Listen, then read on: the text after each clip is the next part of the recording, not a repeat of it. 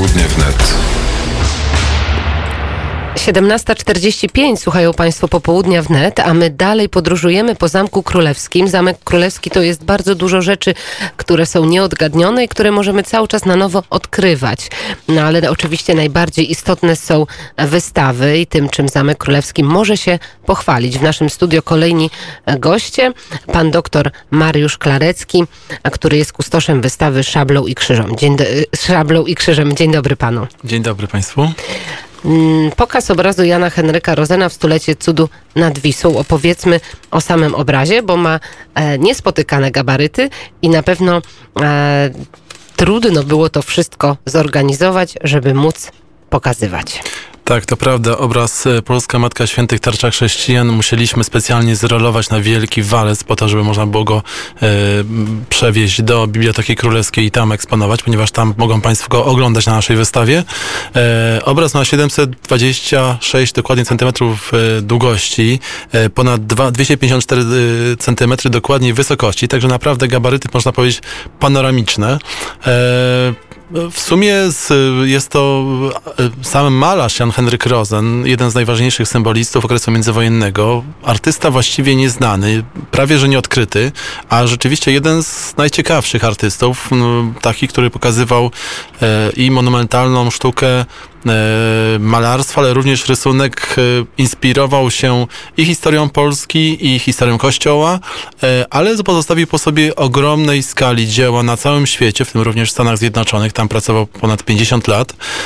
W Polsce, wbrew pozorom, właściwie tych dzieł praktycznie w ogóle nie mamy. To znaczy właśnie mamy ten wielki obraz. To jest jedyne tak monumentalne dzieło jego, które jest w Polsce. Natomiast no, znany jest z katedry ormiańskiej w Lwowie. Natomiast u nas na wystawie mogą Państwo oglądać obraz, którego nigdy do tej pory nie pokazywano, nie był eksponowany, nie, był, e, nie można było go oglądać na żadnej z wystaw. Na stałe ten obraz gdzie się znajduje? Na stałe znajduje się w e, Kurii Archidiecezji Warszawskiej.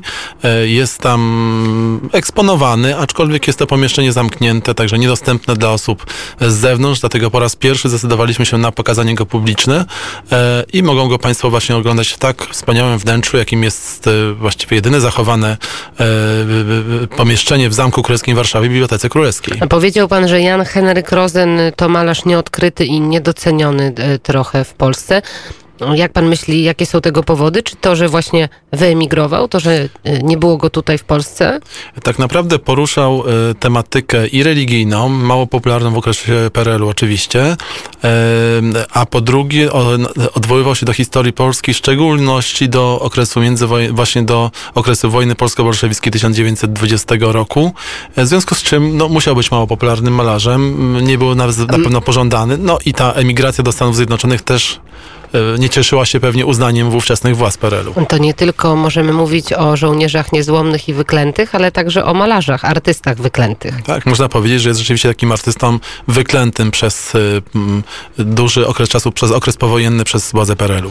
A kto przywraca mu świetność w Polsce? Kto jest takim orędownikiem? Między innymi nasz gość?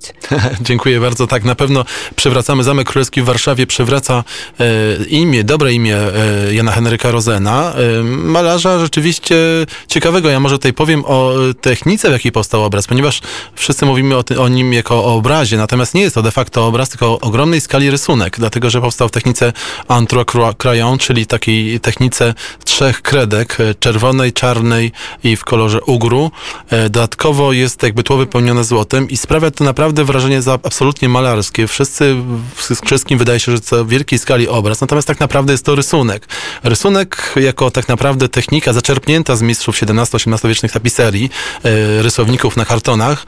Natomiast e, rzeczywiście Rosen ten obraz tak sobie wymyślił, dlatego też, że był zobligowany czasowo. Musiał w bardzo krótkim czasie musiał narysować, e, stworzyć ogromne dzieło, które przetransportowane zostało do Watykanu na wystawę z okazji 75. rocznicy powstania L'Osservatore Romano, dziennika L'Osservatore Romano i dlatego też podjął zamysł posłużenia się taką techniką, która pozwoli na krótki czas wykonania tego dzieła, jednocześnie zaskoczyć troszkę publiczność e, tą autorską, można powiedzieć, techniką odwołującą się do starych mistrzów i, e, i też dzięki temu obraz e, został później przywieziony do Polski w dosyć e, łatwych, e, łatwy sposób.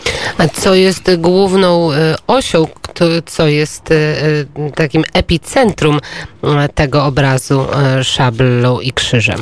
Tak, ten obraz tak naprawdę nawiązuje do e, cudu nad Wisłą, e, do właśnie centralnym miejscu obrazu jest e, postać, postać księdza Ignacego Skorupki, który jest podtrzymywany przez polskiego żołnierza.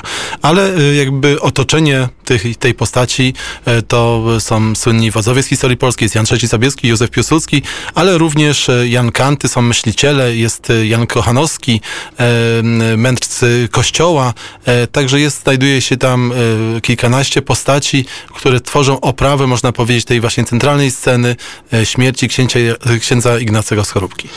Oprócz y, tego głównego obrazu szablą i krzyżem są także mm, dwa inne obrazy Wojciecha Kossaka Potyczka ułanów z kozakami, a także e, marszałek Józef Piłsudski na kasztance Szczerbińskiego. Skąd pomysł, żeby e, te obrazy dobrać? Dlaczego pan tak akurat sobie wymyślił? Chcieliśmy e, tak naprawdę w jeszcze większym stopniu odwołać się do, e, do zwycięskiej Bitwy Warszawskiej, po to, żeby właśnie przypomnieć postać marszałka Józefa Piłsud- Piłsudskiego, żeby przypomnieć e, no, w- sumie malarzy, którzy w dużej mierze ukształtowali ten wizerunek e, wojny m, polsko-bolszewickiej, tak jak Wojciech Kossak chociażby.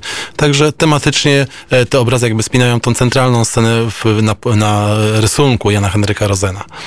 No i jeszcze trochę czasu mają nasi słuchacze, żeby odwiedzić wystawę. Tak, zapraszamy do obejrzenia wystawy do końca października, e, także mogą Państwo w Bibliotece Królewskiej e, Zamku Królewskiego w Warszawie zobaczyć ten obraz, to dzieło, e, wchodząc, że tak powiem, na wprost z głównej ekspozycji, także jak najbardziej myślę, że warto ten obraz zobaczyć, bo później nie wiadomo, kiedy będzie następna okazja na obejrzenie takiego wspaniałego, panoramicznego arcydzieła. To do 31 października 2020 roku, a nad czym teraz pan pracuje? E, W tej chwili przygotowuję wystawę e, Apartamenty księcia Józefa Poniatowskiego Nowa Odsłona, czyli jest to po raz pierwszy od dłuższego czasu. Otwieramy apartamenty księcia Józefa Poniatowskiego w Pałacu pod Blachą. E, Ekspozycja się zmieniła, doposażyliśmy to dużą ilością zabytków, eksponatów, także zapraszam serdecznie, jeśli ktoś nie był, a jeśli ktokolwiek nawet był w Pałacu pod Blachą do tej pory, także wystawa będzie rzeczywiście pokazywała dużo szerszy, dużo szerszym aspekcie księcia Józefa Poniatowskiego, ale również mieszkańców pałacu, epokę, także zdecydowanie zapraszam na tą wystawę, a z kolei w grudniu otwieramy wystawę szopek, szopek krakowskich, ale o tym może następnym razem. E, O tym następnym razem już bliżej grudnia, a jeszcze kiedy pan pracuje nad e, kolejnymi wystawami, jak to jest z odzyskiwaniem dzieł sztuki w Polsce? Bo przecież wiemy, że po okresie e, wojny to jest na pewno bardzo trudne i bardzo ciężkie. E, Odzyskiwanie dzieł sztuki w Polsce właściwie cały czas jest to żmudny, bardzo pracochłonny proces. Sam powiem szczerze, też w nim uczestniczyłem wielokrotnie z, z racji współpracy z Ministerstwem Kultury i Dziedzictwa Narodowego. E, także te rzeczy znajdujemy cały czas, rozsiane po całym świecie, dosłownie całym świecie, bo to są rzeczy znajdowane nawet i w Afryce, i w Ameryce Południowej, e, sporo rzeczy w Stanach Zjednoczonych, natomiast te rzeczy, których są w, w Niemczech, w Austrii, wbrew pozorom najtrudniej jest ściągnąć, natomiast cały czas jakby, po pierwsze, tutaj jest nie tylko kwestia odzyskiwania dzieł, poszukiwania samych dzieł sztuki na rynku antykwarycznym, w muzeach na całym świecie, ale również znajdowania informacji o tych, o tych dziełach sztuki, czyli również e, i obrazach, e, i fotografiach obrazów, i opisach, które pomagają nam, no często przesądzają tak naprawdę odzyskanie tego dzieła sztuki. E, Także cały czas tą bazę budujemy, cały czas to poszukiwanie trwa i przynosi, ta praca przynosi efekty. To jest na pewno bardzo istotne i bardzo ważne. W naszym studiu jest e, kolejny gość, pan Tomasz Jakubowski, e, z kolei kustosz wystawy wizerunki Giovanniego Battisty Piranesiego, która jeszcze jest w fazie końcowego przygotowania. Dzień dobry. Dzień dobry Państwu. Tak, właśnie e, przygotowujemy wystawę. E, Już zapraszam już wkrótce, od 28 września. E, I wystawa nosi tytuł Uwięziony geniusz Giovanni Battista Piranesi i wpisuje się w obchodzoną obecnie na całym świecie rocznicę jubileuszu 300, e, 300 urodzin artysty. No, powiedzmy, kim był Giovanni Battista Piranesi?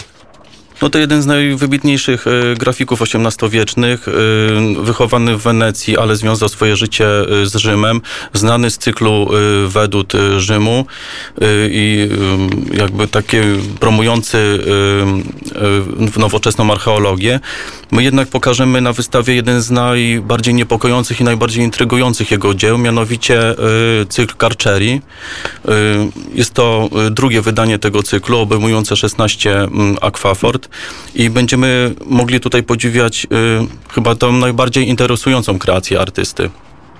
Skąd y, mm, pomysł, jak powstało to, że jednak y, tytuł to Uwięziony geniusz? Tytuł nawiązuje do y, tytułu cyklu, czyli Carceri, czyli więzienia y, i właśnie chcieliśmy pokazać jakby te więzienia pokazują geniusz tego artysty, czyli jakby on uwięził swoje wszystkie idee w tych y, rycinach, które będziemy prezentować na zamku.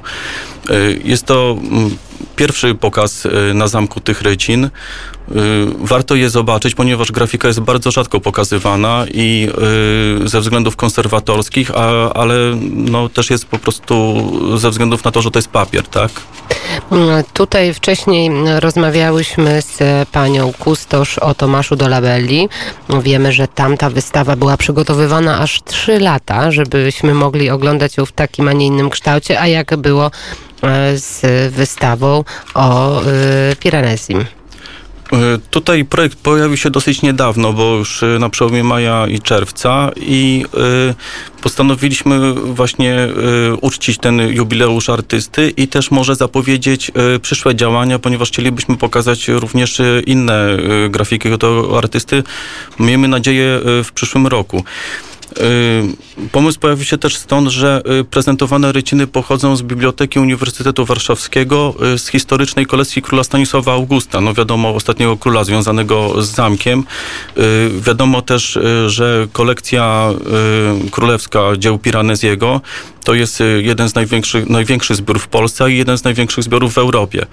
Y, Stąd chcieliśmy nie, jednocześnie podkreślić y, jubileusz artysty, ale też i mecenat artystyczny ostatniego władcy, związanego z zamkiem. A tutaj mamy co na tym, na, na, na tym wydruku? A pani tutaj nawiązuje do publikacji towarzyszącej wystawie. Tam się pojawią y, trzy eseje. Mm, Jeden y, Wojciecha Karpińskiego o, o właśnie o cyklu Carceri, mój o wizerunkach y, Giovanniego Battisti Piranesi, o których jest niewiele y, i pani profesor Jolanty Tarbierskiej o właśnie o wnikliwym analizie tego cyklu. Dodatkowo publikacja zostanie uzupełniona katalogiem. Natomiast y, okazuje się, że wcale nie jest dużo wizerunków y, Piranesiego. Zachowało się ich około y, pięciu, w tym y, właściwie trzy powstały za życia artysty. A tutaj co widzimy na tym zdjęciu? Ledwo widzimy. Tutaj pani redaktor pokazuje zdjęcia, więc to trudno trochę op- opisać. Jeden z portretów y, Piranezego przedstawia jego popiersie, na którym trzyma y, rycinę prezentującą kartę tytułową jednego z jego dzieł, a w tle kandelabr, który został zrekonstruowany na podstawie jego grafiki. A I to tutaj? właśnie y, oglądamy. No w radiu możemy Widzę, tylko tutaj mówić, jest takie nie widzą e, przepy- przepytywanie. Mm, Tutaj widzimy rycinę właśnie y, w pełnej krasie, tą rycinę, którą y, na portrecie trzyma artysta. Y, Portret został wykonany w 1779 roku, już po śmierci artysty, a prezentowana rycina przedstawia kartę tytułową dzieła o ruinach y, Pestum y, z kopalisk, tak? I to jest ostatnie dzieło y, Piranesiego, także jakby nawiązuje zarówno do jego ostatniego dzieła, ale też i do jego zainteresowań archeologicznych. To wszystko będzie można już niedługo zobaczyć na Zamku Królewskim. Tak, serdecznie zapraszamy od 28 września. Wystawa potrwa do 5 stycznia i y, ryciny są bardzo rzadko prezentowane, także naprawdę serdecznie zapraszam. Prawdziwa uczta dla oka.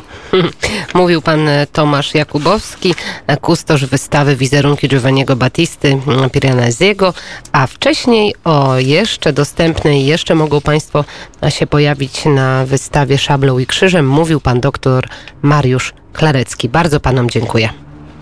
Dziękuję. Dziękuję bardzo. Godzina 17.59. Kończymy dzisiejsze popołudnie wnet, które mm, współorganizował z nami Zamek Królewski. Serdecznie zapraszamy na piękne wydarzenia, piękne wystawy, o których będziemy mówić na antenie Radia Wnet.